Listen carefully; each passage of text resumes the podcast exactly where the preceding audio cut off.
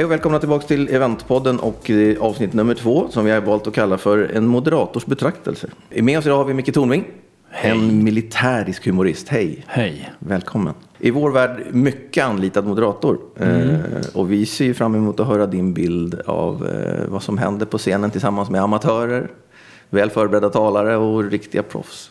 Så gott det låter sig göras så ska jag försöka förmedla det. Det ser vi fram emot. Det ska bli roligt. Peter, vi börjar med dig. Din roll som, eller din bild på moderatorer. Eh, Min bild av moderatorer är väl att det är ett, eh, får man kalla det verktyg lite förmätet, men en, en viktig ingrediens i lyckade, smarta, bra möten för att kunna liksom både driva, driva ett event framåt och få lite tryck på budskap och, och, och så vidare. Det är väl väldigt övergripande vad moderatorer är för någonting. Vad säger Micke? Nej, men jag tycker nog att det är en, en bra bild. Folk blandar ihop det med konferencier och moderator.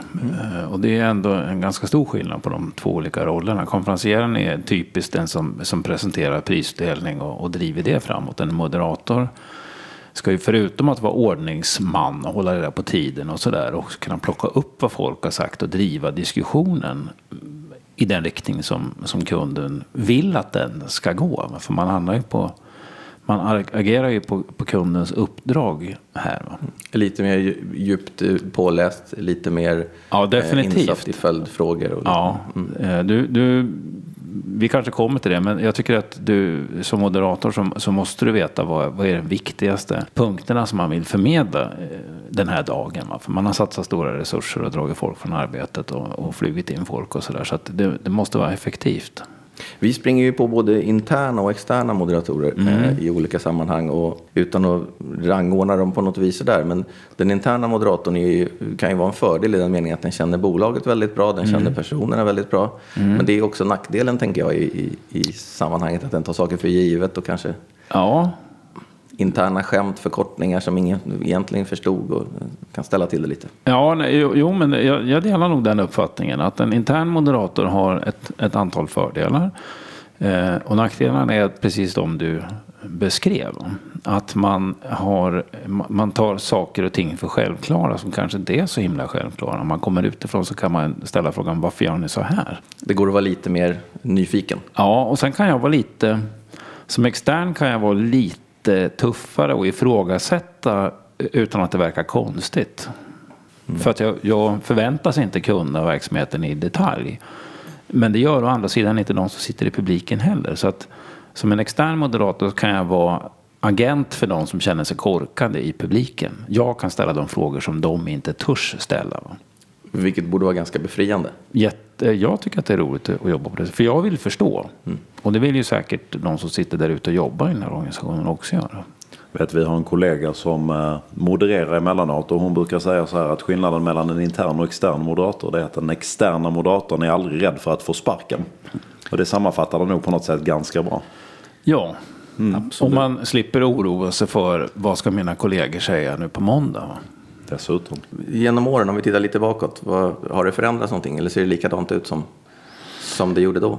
Om du frågar mig så ska jag nog säga att den här branschen, event, möten, den har blivit oändligt mycket professionellare de senaste tio åren. Man ska komma ihåg att hela den här branschen började egentligen som, eh, och nu hårdrar jag, men det är ju mitt jobb att göra det. Den började egentligen som festfixare eh, på 80-talet. Ballongblåsare brukar vi Ja, säga. ballongblåsare och sådär. Och det är inget ont i det. Men, men sen har det här utvecklats så att jag gjorde något uppdrag för, jag tror det måste vara 15 år sedan, för ett företag. När jag kom hem till min, ähm, träffade min gamla kompis Magnus sen, som bor hos mig just nu för tillfället. Han är uppe i Stockholm. Han, han jobbar med som managementkonsult och jag har jobbat ihop med honom. Och jag sa det att det är en del av de här festfixarna försöker göra. Det är att de försöker ägna sig åt kvalificerad management consulting. Och det har de inte riktigt på fötterna för. Va? Att göra. Eh, Men nu upplever jag att det är väldigt mycket fokus på innehåll. Eh, Det är syfte med den här dagen. Vilket mål ska vi åstadkomma? Och sen använder man ju då medlet scenen och ganska få bilder. Det är befriande lite powerpoints nu för tiden. De flesta producenter av den här typen av event, alltså inte företagen utan eventbolag. Och de jobbar ju väldigt mycket med att stötta talarna och renodla vad de ska säga och hjälpa till att vaska fram vad, vad kärnan är. Mm. Får man eh, opponera sig mot gästen? Mm, välkommen Peter. Försök. Nej, i, I sak har du helt rätt, men, men eh, vi hamnar ju ofta i de diskussionerna. Och du, du, någonstans så, så kunde jag skönja någon, någon slags likhetstecken mellan eventbyrå och managementkonsulter. Och jag brukar nästan eh, vara ute och prata om att man måste förstå att eventbyrån inte är en managementkonsult. För att ofta när man sitter i diskussioner kring innehåll med uppdragsgivare så är det svårt att definiera var, var slutar liksom eventbyråns roll i detta. Och det hänger ihop med liksom, i förlängningen med det moderatorn ska göra på scenen och så vidare. Och, och jag tror inte att eventbyråer generellt har någon slags ambition att vara managementkonsulter. Däremot att kunna hjälpa till att skapa för jävla bra möten. Att Ja. det är det det handlar om. Ja, jag ska precisera. Det jag sa var att, att de här festfixarna försöker axla rollen som managementkonsulter. Att, de, att det är det de försökte ägna sig åt. Och det här var liksom då på 90-talet. Va? Men det, du har helt rätt i det du säger. Att det, man måste dra en klar distinktion mellan, eh, mellan den här dagen eller kvällen och ett specifikt budskap som ska förmedlas. Va? Och managementkonsultrollen som är en mer långtgående process där man utvecklar verksamheten. Ni, ni har ju att agera på en, ett, ett fastställt, en fastställd strategi som ska kommuniceras på något sätt. Va? Det kan antingen vara att vi måste bli bättre på det vi redan gör. Eller så kan det vara att vi måste börja göra en helt ny grej. För våra marknader har förändrats eh, helt och hållet. och Våra, vårt uppdrag är ett helt nytt uppdrag.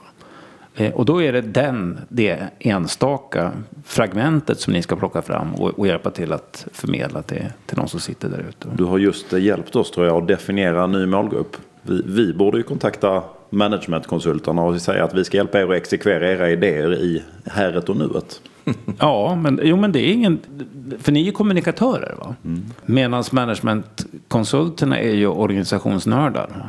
Och jag själv räknar mig som en organisationsnörd. För att jag tycker det är spännande med, med organisationer. Organisationen finns ju för att hantera en omvärld. Eh, Och då måste den förändras om omvärlden förändras. Och hur organiserar, man sig och för att hantera omvärlden? Och vilken organisation är adekvat och vilken är det inte? Och vilken kultur hjälper företaget att hantera omvärlden? Men du, du pratade innan om att du ser färre och färre powerpoints och så vidare. Jag tror inte att det finns överhuvudtaget något likhetstecken med managementkonsulterna. Utan de är nog väldigt bra på att rita powerpoints och så vidare. Ja. Men, Mycket fiskar och flödesscheman helt korrekt. Men, men tillbaka till din liksom moderatorroll då. Du har ju sett många events naturligtvis från scenen. Hur tycker du att, att ett, ett bra innehåll kommuniceras? Ka- kanske lite retoriskt där då med, i och med att jag börjar prata powerpoints. Men hur tycker du att, när, när funkar det bäst? Alltså, jag, jag funderar mycket på det här. Eh, och om, om jag ska försöka eh, renodla vad jag tycker att eventet eller det här mötet, om man nu ska kalla det för det, vad, vad det ska vara. Så, så tycker jag att det finns information som lämpar sig för Excel-diagram och PI-diagram och, och eh, Word-dokument och sånt där. Sakinformation. Och då ska man använda den kanalen. Helst inte en sån här kväll va? eller dag. Och så finns det andra saker som, som, som lämpar sig att kommunicera människa till människa. Och det är det scensituationen är. Min situation på scenen det är ju att jag står ju inför en massa människor och jag pratar med människor och alla ser att det här är live. Och där förmedlar man värderingar och känslor. För jag tycker att scenen är effektivaste kanalen för att göra just det. Det biter om vdn, han eller hon eller hen eller vad man nu har för, för, för vd. Va? Lyckas förmedla det här på ett bra sätt på, på scenen. Att vi måste ändra våra värderingar när det gäller den här målgruppen eller den här typen av, av anställda. Eh, vi måste ändra vårt sätt att uttrycka oss. Eller vi måste bli bättre på att sälja det här i vårt sortiment. Va? Och det har en- en mycket starkare effekt om det står en riktig människa där uppe som man känner förtroende för och som, som förmedlar det. Så jag tycker att ett bra event, det är ett event som vågar vara käns- spela på känslorna med ljus och ljud och bra talare och att man, är, att man liksom skruvar till eh, det så att, så att det liksom blir lite förhöjt. Mm. Tempo och Tempo, inslag runt om. det ska vara lite show va? men det får inte vara tom show. Utan det ska vara show med innehåll och väcka känslor hos publiken. Då tycker jag att det är, det är bra. Va? Kan det vara så att vi eventbyråer rent kommunikativt måste in och gräva ganska långt för att hitta det där konceptet som gör att vi, vi behöver lika mycket kunskap för att kunna göra det konceptet som managementkonsulterna, men vi kan inte göra nästa steg. Ja, det tror jag nog inte skadar. Va? Därför att när ni, jag kan tänka mig, jag har inte suttit med, en del möten sitter jag med på eh, för att jag har regeln att jag måste tro på det här konceptet för att, för att tacka ja till uppdraget. Mm.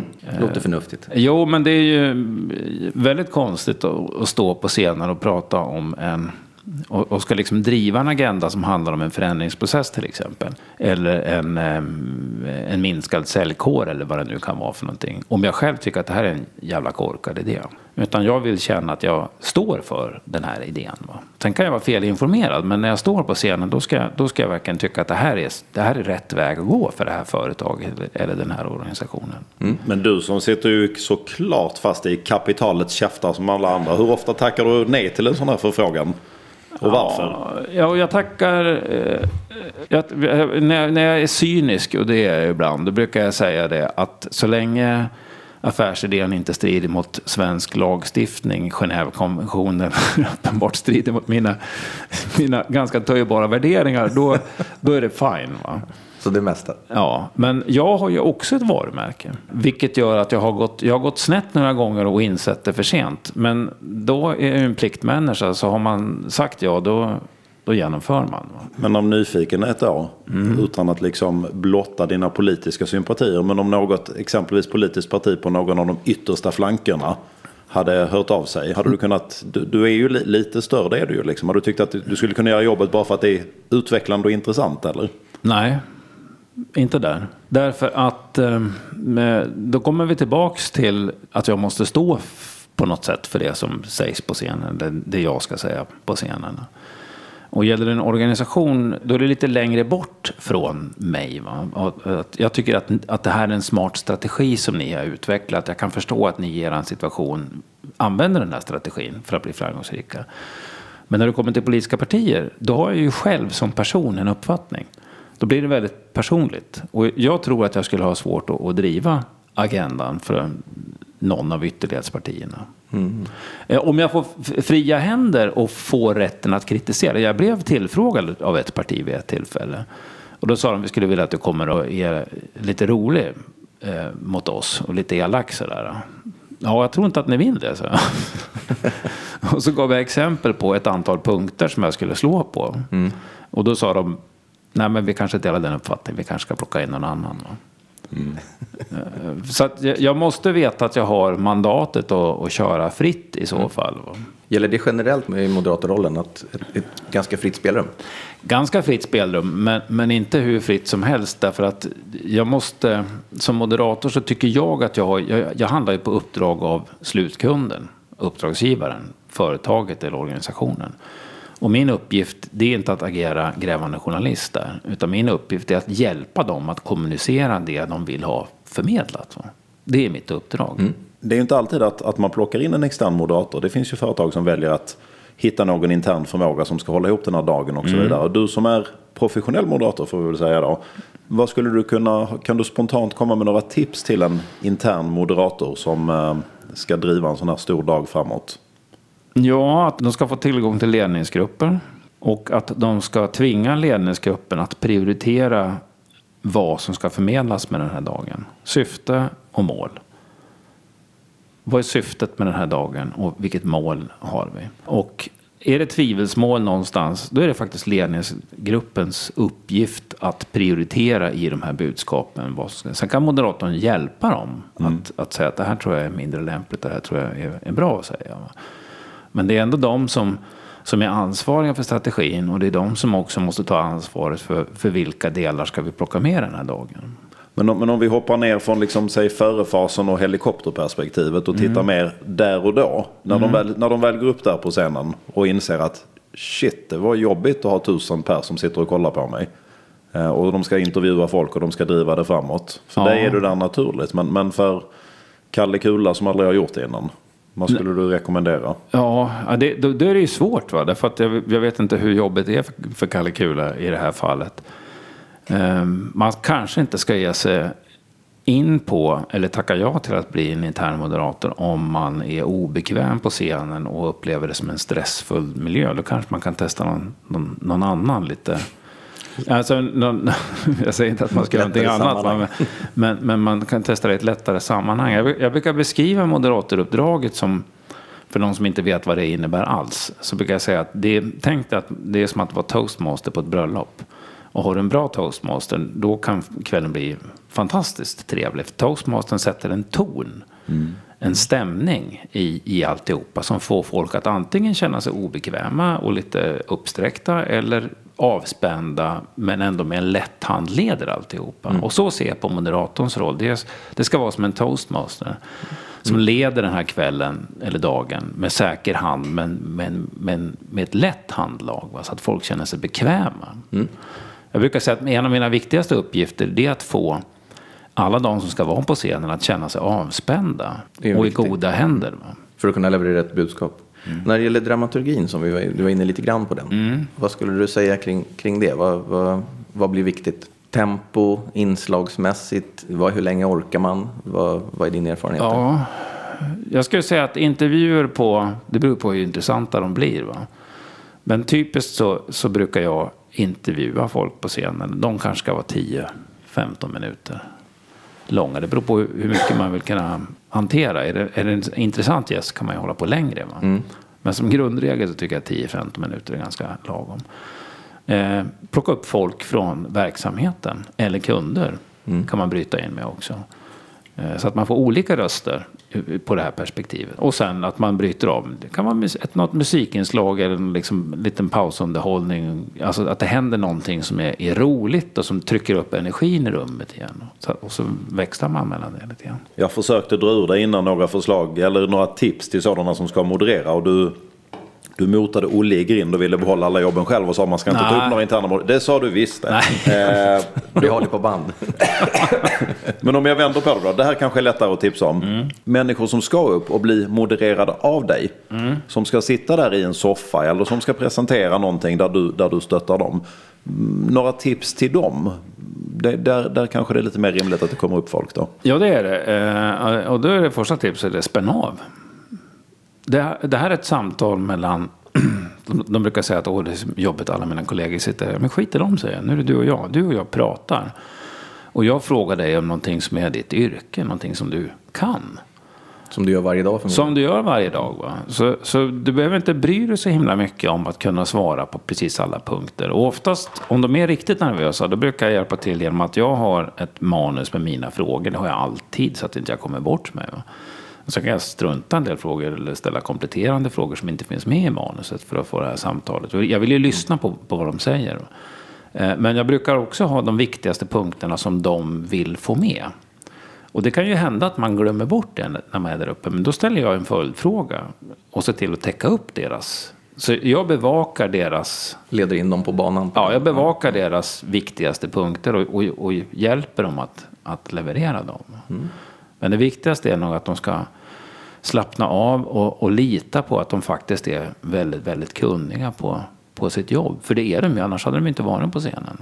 Och där ligger ju förberedelsen också. Att Ja. ha förberett sig både på frågan och svaret. Och följd. Att de har tänkt igenom vad de ska säga. Va? Jag som inte har gjort eh, lumpen och militärtjänst Mm. och sånt där. Och din bakgrund. Alltid nyfiken såklart. Tältskräck var min ursäkt för att inte göra lumpen. Eh, Bra ursäkt. Ja, finns det något militäriskt i ditt sätt att driva processen snarare än kanske det som händer på scenen? Ja, jag brukar skoja eh, med det och, och liksom ibland då vara sådär liksom militäriskt hård. Va? Men förhoppningsvis med en, en skönbar glimt i ögat så att folk förstår att det inte är så, så allvarligt.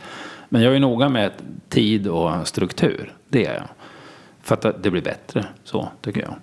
Annars är nog det, det militäriska i det där, det är att militärer på högre nivå, om man säger på kompanichefs och bataljonschefs och uppåt. De, de tränar väldigt mycket i att processa information snabbt och effektivt och sen koka ner det till en kort formulerad order. Det har jag ju tränat mycket på. Eh, Så det jag brukar göra det är att jag brukar sammanfatta. Okej, om jag förstår det rätt nu så är det det här och det här och det här som är det viktigaste. Och det ger dem också möjligheten. Alltså det är en kort summering som, som gör att publiken, ja just det, så var det ja. Men det är också en möjlighet för dem att säga ja, men jag skulle också vilja lägga till det här. Så både förstärka budskapen och hjälpa dem till rätta på Ja, att på hjälpa dem att komplettera med, med någonting. Va? För då står de plötsligt utanför och hör mig beskriva vad de har sagt. Och då kommer de ofta på någon grej som de har, som de har glömt. Va? Av nyfikenhet, du träffar ju på massa olika eh, företag och eh, organisationer.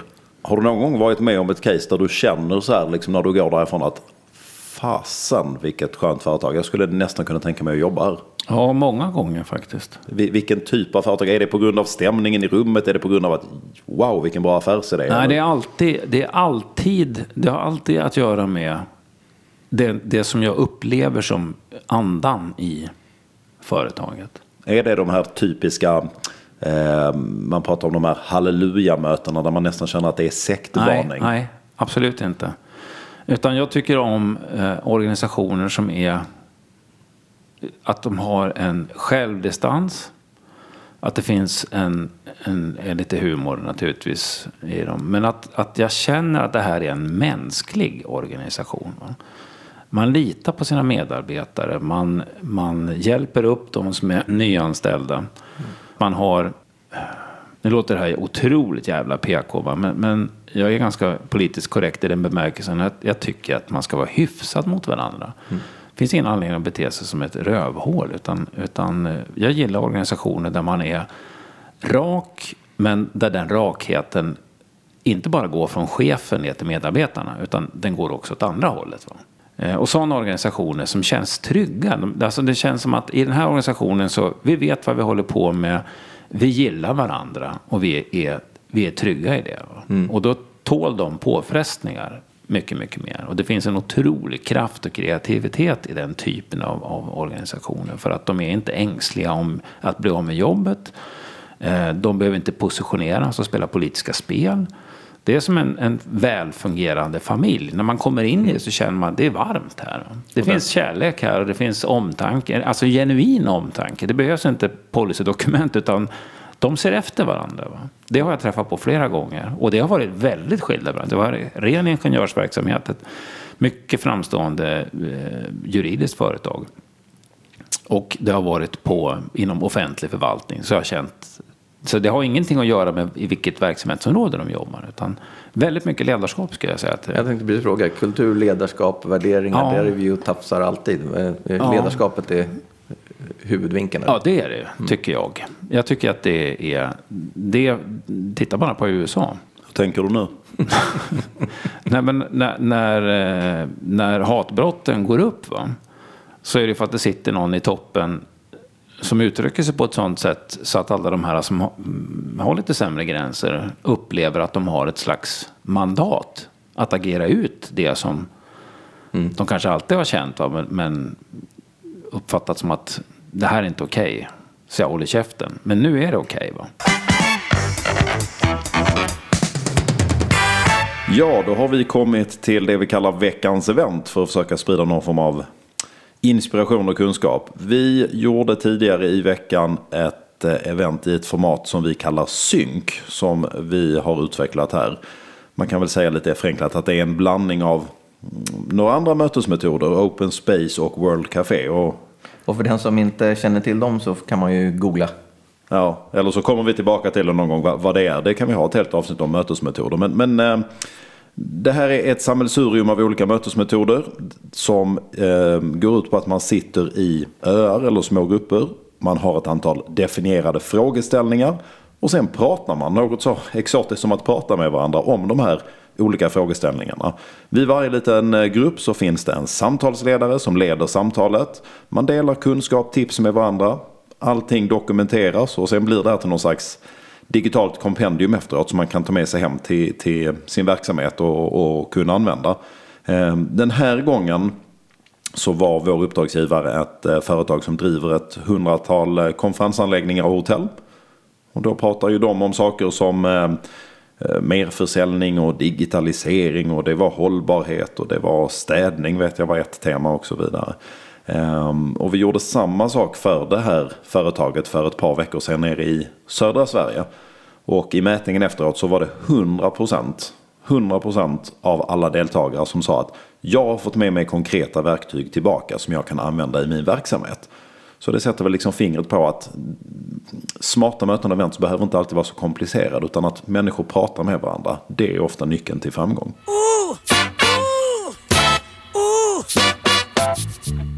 Får man fråga då, eh, det är alltid lika givande och spännande att sitta och prata med dig Micke, men tillbaka till pudens kärna då, moderatorrollen. Mm. Alltså ett, för alla som inte är lika insyltade i det här som jag och Jonas är, hur, ser liksom en process ut från, från att du får en fråga tills du är klar? Vad, vad, vad ingår i din roll som moderator? Det är olika. Eh, först så, så får jag en kontakt eh, från ett eventbolag som säger att eh, det är en kund som vill ha dig som moderator den här och den här dagen eller sålt in dig. Är du ledig? Och då kollar jag först. Och sen vill jag veta vad det är för uppdragsgivare. Och sen vill jag veta vad går den här dagen ut på? Vad är det för syfte med, med den här dagen eller kvällen? Och sen vill jag fundera på det lite grann. Och sen vill jag prata med någon i organisationen eller någon som kan någonting om organisationen just för att klarlägga vad, vad, vad kommer den här dagen att handla om och tror jag på det här upplägget som jag sa inledningsvis i den här podden. Tror jag på den här strategin som ett sätt att lösa deras problem. Jag har fortfarande, eller jag har eh, lyxen att kunna tacka nej till eh, uppdrag. För att det inte riktigt lirar med hur jag känner. Va? Eh, ibland kommer man ju till att det inte det är inte det de behöver hjälp med som de tror i första läget. Utan de behöver göra något annat först och sen får vi ta tag sen i det. Sen kan man ta tag i det. För att, och det jag försöker göra det är att jag, när jag tänkt igenom det här. Alltså, det jag försöker göra egentligen det är att jag försöker skapa förutsättningar för att mitt uppdrag ska bli lyckat. Eh, och då är det ett antal parametrar som måste finnas på plats. Va? För det första så måste det vara en organisation som, eh, som inte är i allt för mycket oro. Det vill säga att det är en organisation där man ska kicka en massa människor. De som sitter där ute vet att hälften av oss kommer att gå. Då ska man inte ha en sån här dag då, utan då ska man ha det när den processen är klar. Liksom. Och man har pekat ut en ny framtida riktning. Ehm, eh, jag måste förstå strategin och tycka att den är, är vettig. Och jag måste ha ett mandat från ledningsgruppen där vi gör det här tillsammans. Jag ska inte dit och liksom fixa den här dagen, utan vi gör det här ihop. Det, det, är ett lagarbete mellan ledningsgruppen främst då, mm. och mig. Mm. Och då vill jag ha tillgång till ledningsgruppen. Brukar det vara problem? Brukar det vara svårt Nej. att få? Nej, det brukar det inte vara. För de brukar förstå varför det är viktigt. Va? Eh, men, men oftast, eller ibland så händer det ju att de typiskt har dumpar på någon på HR-funktionen. Och så ska de sy ihop den här dagen. Och då blir det, då blir det svårt. Va? Därför att det dyker alltid upp en massa frågor om vem ska vara på scenen. Är det den som kan någonting eller är det en politiskt spel som gör att är det chefen ditt, eller personen? Ja, men det är chefen ditten datten mm. ska upp där, för att annars så ser det konstigt ut. Ja, men om chefen ditten datten då inte kan ett skit om det här, då blir det, då blir det ju garanterat konstigt. Va? Det är väl bättre att hon som har gjort den här utredningen eller som har kommit med det här förslaget får prata om det. Jag försöker helt enkelt se till så att, eh, att det finns förutsättningar för att jag ska kunna göra ett bra jobb och, och ro hem det här. Men sen, vi var inte riktigt klara kände jag. Vi, vi gled iväg från, från kärnfrågan. Mm. Ja, det här är ju före och sen då när vi börjar närma oss då, då då börjar vi närma oss och så är du förmodligen med och genrepar. Mm. Och sen liksom rent handpåläggningen på plats då. Liksom. Ja, lägger, Hur ser en dag ut för dig på ja, event? Jag, läs, jag läser på och sen så eh, kommer vi fram till vad vi ska prata om. Och sen så ger jag dem i uppdrag att komma med vilka punkter de vill ha. Så formulerar jag frågor som ger dem möjligheten att, att säga de sakerna. Och sen genrepar vi, som du säger. Va? Och genrepet det är det, jag brukar säga att det, det är egentligen syftet med genrepet. Det är bara att skapa krismedvetande. För oftast är det här människor som är väldigt upptagna. De har inte prioriterat det här. Utan de, de, de har prioriterat kundmöten och kundaktiviteter och vad det nu kan vara för någonting. Och det är ju rimligt att de, att de gör det. Mm. Men nu är kunden plötsligt deras egna anställda. Och det är i, i övermorgon. Eller. Eh, så då är det bra att ha det här genrepet några dagar innan. Att man går igenom texterna. Va? Och då inser de att fan, här uttrycker jag mig luddigt och det här var inte riktigt bra. Det är första gången de säger någonting högt ofta. Ja, och sen på plats sen, då är det viktigt att vi är på scenen på riktigt och att de får prata med mikrofon så att de vänjer sig vid det. Och att de vet vart de ska kliva på och kliva av, sådana praktiska saker. Därför att när de har varit på scenen så har de på något sätt gjort den här scenen till sin. Och då känner de sig mycket, mycket tryggare. De ska inte fungera, fundera på vart trappen är när det är dags för dem att kliva upp. Utan de ska veta vart det är och vart de ska sitta och, och sådär. Mm. Och så är det så här saker som är ljuset i nyllet, att folk blir helt bländade om de inte har stått på en scen förut. Och sen är, försöker jag liksom få dem att slappna av. Och lyckas uppenbarligen med tanke på mängden uppdrag. Så det... Ja, det vet jag inte. Men, men jag vill att de ska känna att vi, vi, vi, alltså publiken ska känna att de här gillar varandra, de här på scenen. Jag och ledningsgruppen eller vad det är. Vi gillar varandra. För det skapar en trygghet ute i, i publiken. Och sen gör det också att jag kan ställa frågor som kanske verkar tuffare än vad de egentligen är. För vi har ju snackat igenom de här sakerna. Var det svar? Var vi i mål nu Peter? Ja, jag tror det. Ja. Det är väl lite så här bagarens barn skulle jag tro. Men, men det, jag tror det. Det känns som att du, du förklarar det på ett bra sätt. Får jag av nyfikenhet fråga, det kanske är svårt för dig att besvara. Du är ju naturligtvis bästa moderatorn. Det är ju vi alla överens om i det här rummet. I alla fall, i alla fall tills vi har spelat in klart. I alla fall till nästa nu. Ja. Till nästa gäst. Men finns det några andra moderatorer som du liksom vet gör bra jobb? Eller du kanske aldrig har sett någon in action? Nej, jag har inte sett dem in action. Jag har sett David Batra eh, för många år sedan och han var jäkligt bra. Men är han en moderator? Det är ju en intressant fråga. Eller är han en konferencier som du började med tidigt här? Svårt att säga. Jag såg tio minuter. Jag blev imponerad. För han plockade upp saker ur deras affärsplan. Och och kopplar. Alltså jag tycker att en moderator ska kunna så pass mycket om verksamheten så att man kan bara inte rabbla upp sånt som står i manus utan man ska kunna göra kopplingar också. Mm. Mm. Aha, det här måste ju betyda att den här och den här enheten får jobba på ett annat sätt. Jo, men det är riktigt och det håller vi på att diskutera nu. Man, man ska liksom ha förmågan att koppla ihop de här informationsbitarna som man får. Okej, okay, ja David Batra, förvisso är väl eh, kanske mitt där i gränslandet. Det är ju intressant, du och jag hade den diskussionen innan Micke kom Jonas. Ja. Lite olika typer av moderatorer och så vidare. Där, där ju liksom, ja, om jag då drar tillbaka, jag hade någon Freudian slip då på David Helenius uppenbarligen, men han mm. är ju konferencier ut i fingerspetsarna, brutalt bra. Han är absolut ingen moderator. Han gör det fantastiskt och han är kvick och han är rolig och folk älskar honom. Mm. Men de älskar honom av andra, helt andra anledningar än varför de älskar dig. Där du har mycket mer tryck på budskap och effekt och så vidare. Utan att för den saken ge avkall på att vara rolig och varm och så vidare. Medan David är ju precis som han är på tv. Mm. Uh, ge honom ett manus fem minuter innan, det räcker liksom. Sen går han upp och kör från höften och det blir brutalt bra. Ja, han är ju en trollkarl på det där. Helt otroligt. David Batra vet jag faktiskt inte om vi har använt som moderator. Men han är ju genial på sitt sätt naturligtvis. Mm. Det, jag tänker att det går väl inte alltid riktigt rätt. Vad händer när det går fel? Eller berätta, finns det några bloopers? Som, som Nej, alltså det, jag tycker nog att just moderatoruppdraget, där, där är det så... Det är så styrt vad det är man ska göra. Eh, och det finns Q-cards, ett manus som jag kan hålla mig till. Och det som händer, det värsta som händer det är att någon mick lägger av och då finns det alltid någon reservmick som man kan använda. Eller att någon säger något lite tokigt, men, men då använder jag det och, och, och, spinner vidare på det för att få upp, eh, ja, för att utvinna humor ur det. Eller om folk uttrycker sig otydligt eller sådär. Det är inte så mycket som kan gå snett. Mm. Om inte jag får ett totalt hjärnsläpp. Och det har inte hänt än. Knacka i Nej. trä. Då var det bara närmare för varje gång med andra ord. Ja, det är Varje gång det inte händer så ökar sannolikheten för att det händer. Tack Peter, nu känns det alltid mycket, mycket Du ska bättre. vara lite lagom stressad när vi gör jobb ihop. ja, men jag ser till att jag är lite lagom stressad. Jag vill få upp lite tryck i kroppen när jag gör det, annars blir man slapp.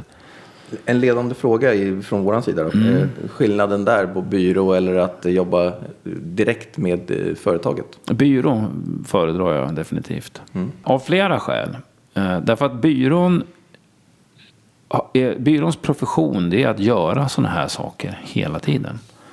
Och det gör att de vet vilka delar som måste funka. Och de har upparbetade kontakter för ljud och ljus och scenteknik. Och de vet hur det ska se ut på scenen. Vilken typ av, alltså bara en sån enkel sak som vilken typ av möbler som funkar och inte funkar. En, en djup lädersoffa funkar inte. För alla sjunker ner och så tappar man energi och så blir det otroligt tillbakalutat. Det är som att hela gänget har rökt på och sitter där och bara har det trevligt. Och så har det också en förmåga att bli väldigt internt. Utan man måste ha en, en, en möbel som ger en en, ett visst mått av attack. så att man sitter lite framåtlutad, men lite på tå sådär. Va? Eh, och hela det här, hela det paketet, det får man ju när man jobbar med en byrå. Jag vet att jag behöver inte bry mig om det. Jobbar jag direkt med kund, då måste jag fråga, vem är ljudtekniker? Kan jag få ringa honom eller henne? Och så ska jag diskutera det. Eh, Hur ser ljuset ut på scenen? Vad har ni för backup-mikrofoner? Hur, hur hög är scenen? Alltså alla de här sakerna, det måste jag rodda i själv. va? För den kunden är ju naturligtvis, om de, om de, om de bygger pinnstolar, så det är ju inte deras kärnverksamhet att rodda event. Va? Så det kan man ju förstå. Men för mig är det mycket skönare att jobba mot en byrå. Det är ju en roll som vi, ja, som, som Peter och du framförallt har jobbat ihop med, producentrollen. Eh, som vi ofta får förklara för kund vad, vad det är och varför. Vem av er vill hugga på den först? Ja, jag, jag kan väl säga vad jag tycker att, att den är eh, och Peter får rätta mig då. Men, men producenten dels har ju ett, ett, ett ekonomiskt ansvar, ska räkna ihop det här och se till så att det funkar med vad kunden har offererats och hotell och om det nu ingår resor och, och alltihopa. Så att producenten har ett övergripande ansvar. Men jag skulle säga att producenten är som en slags, i det här fallet, som en slags regissör på scenen också. Producenten är den som ganska mycket sätter ihop i vilken ordning saker och ting ska hända. Eh, som bestämmer om det här blev en bra scenbild eller inte. Eh, om ljussättningen räcker eller inte. Så att det, det är en ganska praktisk funktion, producenten. Och sen i Peters fall så är producenten också väldigt mycket innehållsansvarig, innehållschef. Va? Jag tror att om jag ska citera Vi i femman som var populärt på stenåldern. På fråga A så får du noll poäng. På fråga B får du två poäng. Två poäng är då max. Det du börjar med där med, med att hålla koll på hela projektet och hotellet och så vidare. Det, det ju, ska ju inte lasta dig för. Precis som pinnstolsfabrikanten inte är expert på något annat än att bygga pinnstolar så är du i din moderatsroll inte eventbyråproffs. Utan där finns det ju helt andra resurser i en, i en organisation kring att, liksom, att driva resten av projektet. Men producenten är ju just det du kom in på sen. Att dels, eh, ja, du var inne på allt från det visuella och tekniska, att det lirar. Men också, tycker jag i alla fall, se till att vara länken, som i det här fallet mellan moderator och kund. Var ofta djupt inne i innehållet. Alla är ju inte det. Det finns ju även renodlade tekniska producenter som ser till att hela liksom, apparaten lirar. Visa film nu och släck lampan nu och så vidare. Och det, det är ju också en roll. Men eh, man ser ju, tycker jag, i vår bransch att det blir fler och fler producenter som även är de som driver innehållsarbetet. Vilket ju ofta blir bättre. För då blir man ju precis som det du sa, regissör. Det blir ju precis det man är. Så att producent slash regissör blir väl någon slags summerande bilder. För där skiljer sig producentrollen i din värld då, mot producentrollen på en teater. För producenten på en teater, teater till exempel är ju inte inne på scenen och petar. Nej. Utan det är ett övergripande ansvar och framförallt håller i pengarna. Sitter och svettas med plånkan Ja. backstage. Jag skiter helt i pengarna, det är helt ointressant. Men jag, jag tror nog att det här som du, det, det du säger Peter, att eh, producenter som satsar på innehållet. Jag tror nog att det är en bra väg att gå. Va? Man ska se vad kunderna kan, vad de har kompetens att bedöma. De har inte så mycket kompetens att bedöma om den här ljussättningen var okej eller om den var lysande. Det har de inte. Men de har förmågan att bedöma om innehållet var bra eller inte. Så att ju mer en producent kan hjälpa till med innehållet. För det du gör när du, när du pratar med kunden det är att du ser till att säkerställa att de är med på tåget och att de tycker att det här är bra. Du tar ju med dem i, i den här processen. För de måste ju klära vad du har sagt eller vad du har tagit fram hela vägen fram. Så då är de ju så att säga medskyldiga till det som eh, levereras på scenen. Och blir det bra, för att ni har jobbat mycket med innehållet, då, då är ju sannolikheten ganska stor att de kommer tillbaks igen. Va? Mm. Ja, men det finns ju en jättetydlig trend i vår industri som, som ökar för varje år. Och det är ju att man tar ju möten och events på mycket, mycket större allvar. Du var inne på det tidigare själv med, med liksom din liknelse med managementkonsulterna. Och man ser ju att det blir färre och färre möten och events varje år. Men de som görs blir bättre och bättre. Istället för tre halvdagar så gör man ett riktigt, riktigt bra. Där man lägger ner både tid, kraft och energi på att, att bygga smart innehåll som ger effekt på riktigt. Eh, Det är inte mer än Fasen, för 20 år sedan så samlade man alla sina anställda för att man skulle informera. Det är ju nästan pre-internet och e-mail. Liksom. Ja, då hade man ju ett behov av att samla folk för att informera. Idag är det ju inte så, utan idag ska du ju i förlängningen se till att ändra folks beteenden och attityder. Och då måste du göra det förbaskat jäkla bra. Ja, det måste du Så göra. att eh, de som inte är med på det tåget kanske måste tänka en sväng till, skulle man ju tro spontant. Kan man se att, att producenten lite grann förkrattar åt dig för det jobbet som kommer? Ja, ganska mycket så.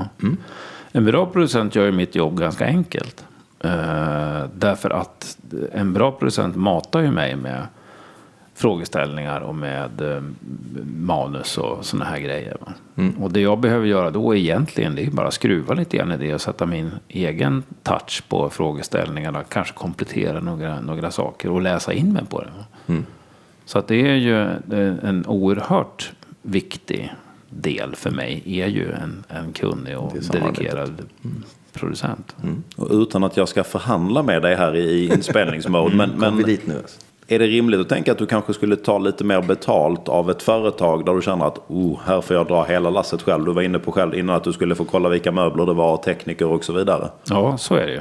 Tror du att alla är så? Eller tror du att man har en fast prislapp och så tänker man inte så mycket på hur mycket jobb det blir? Det vet jag inte. Men, men eh, nej, det vet jag faktiskt inte hu- hur det är. För man pratar ju aldrig eh, gage. Eller jag har aldrig pratat gage i alla Du tar väl inget gage? Nej, jag tar Det inte är därför du får så mycket jobb också. Jag, jag ser till så att gaget går till, till eh, Försvarsmakten. För inköp av kustkorvetter och ammunition. Det är så jag har lagt upp det. Vidarefakturering. Vidarefakturering. Ja. Nej, men jag vet ju att jag ligger väl eh, vad många kunder tycker är hyggligt högt. Eh, men jag ligger inte högst, tror jag. Och jag vill kunna motivera för kunden varför jag tar de här pengarna. Och det är ganska lätt att göra det. För bryter man ner det på, jag hamnade i en sån situation med ett IT-företag eh, en gång. Där jag spaltade upp. Liksom, de bara, det var ju mycket, det blev ju dyrt där. Det var ju mycket pengar så jag, men det är inte dyrt. Och så spaltade jag upp timmarna som jag la ner. Och det visade sig att jag låg strax under en av deras juniora IT-konsulter. Och sen betalar de ju faktiskt inte för de betalar ju inte för sentid. Det här är en intressant frågeställning i sig. Va? De, de betalar inte för att jag står sex eller åtta timmar på scenen. Eller fyra eller vad det är för någonting. Utan de betalar ju för alla de hundratals jobb jag har gjort. Och alla de tusentals misstag jag har gjort och inte tänker göra om. För- det är ju det de betalar för. Va? De betalar ju för min erfarenhet. Och de betalar för en upplevelse. Så jag, det jag levererar är inte tid eller antal ord på scenen, utan jag levererar en, en känsla. Och då brukar jag ställa frågan till de få då som har haft synpunkter. Okej, Okej, vad kostar det här eventet? Det har flugit in folk, ni har hotellrum, ni har köpt in ljus, ljud. Eh, det är en middag efteråt. Vad, vad går det på? Va?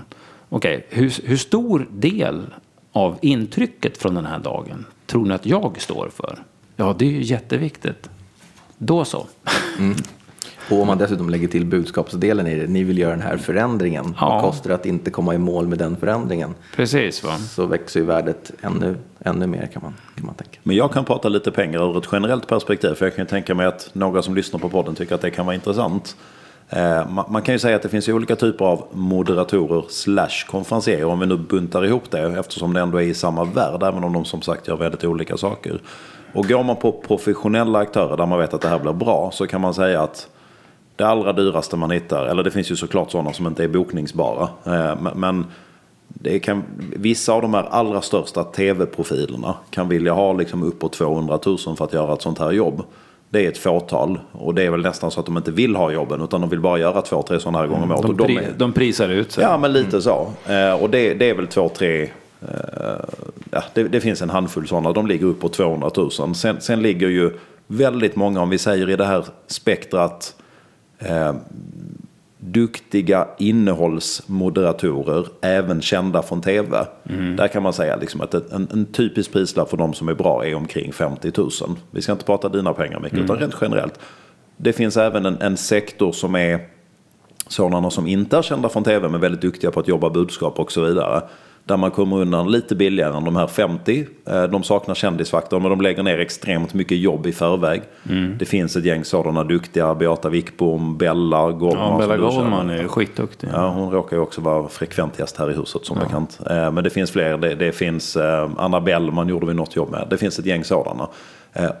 Jag skulle nästan säga då att är det någon som vill ha mycket mindre än säg 30 för ett sånt här jobb då ska man nog kanske fundera på varför prislappen är så pass låg. För det är inte precis som du säger in och leverera sex timmars jobb utan det ska ju vara ett förarbete också. Och en erfarenhet.